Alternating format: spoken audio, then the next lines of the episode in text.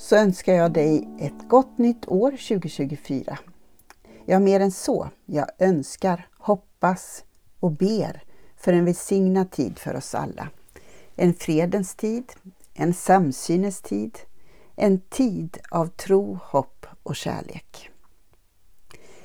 I kyrkans bönekalender ber vi koncentrerat under januari för ett större vi och inkluderar i det våra systerkyrkor, den världsvida kyrkan och mänsklighetens globala utmaningar.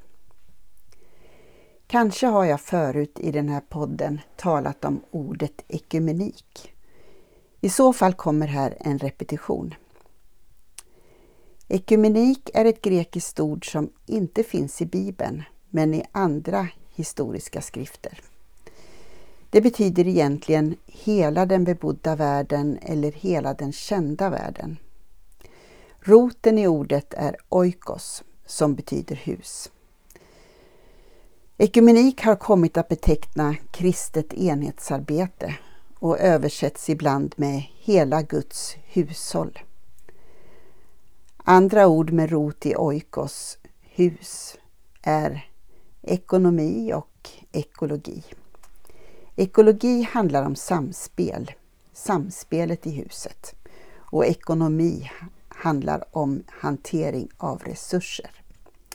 En slags hushållsekonomi helt enkelt och eh, hur man också skapar fred i huset. Samspel. Idag är hela den kända världen global. Så var det inte för de klassiska grekerna. Men idag lever vi med allt som händer överallt samtidigt som det händer.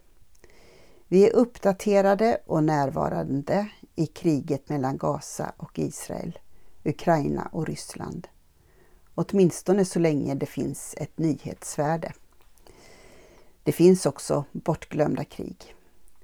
Samspel och resurser, ekologi och ekonomi hänger samman och vi behöver ha ett gemensamt ansvar för samspelet och fördelningen för en rättvis och fredlig värld.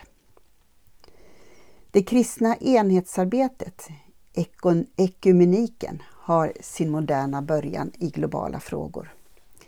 I början av 1900-talet såg kyrkor och missionsorganisationer behov att samspela med varandra och det första ekumeniska mötet om mission ägde rum i Edinburgh 1910.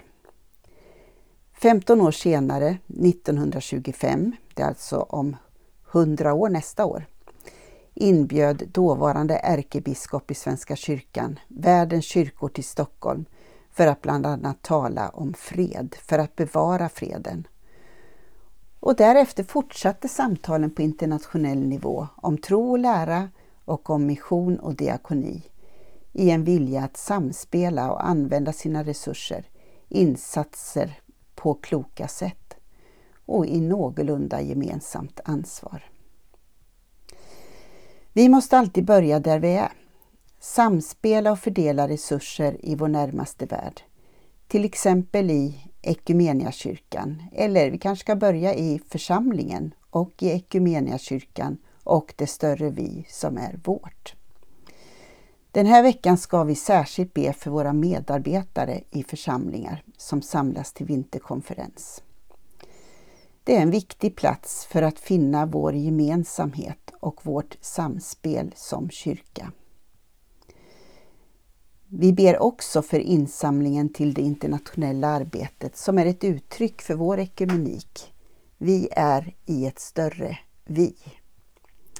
Vi har ett större hus än bara oss själva.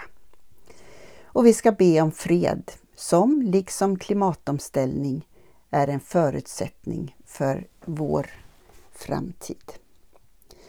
Så låt oss be. Gud, vi tackar och ber för det nya året. Vi ber om din välsignande närvaro i Ekumeniakyrkans arbete. Allt vi gör tillsammans för att dela tro och liv i Sverige och runt om i världen. Vi ber idag också för vinterkonferensen för medarbetare i Equmeniakyrkan.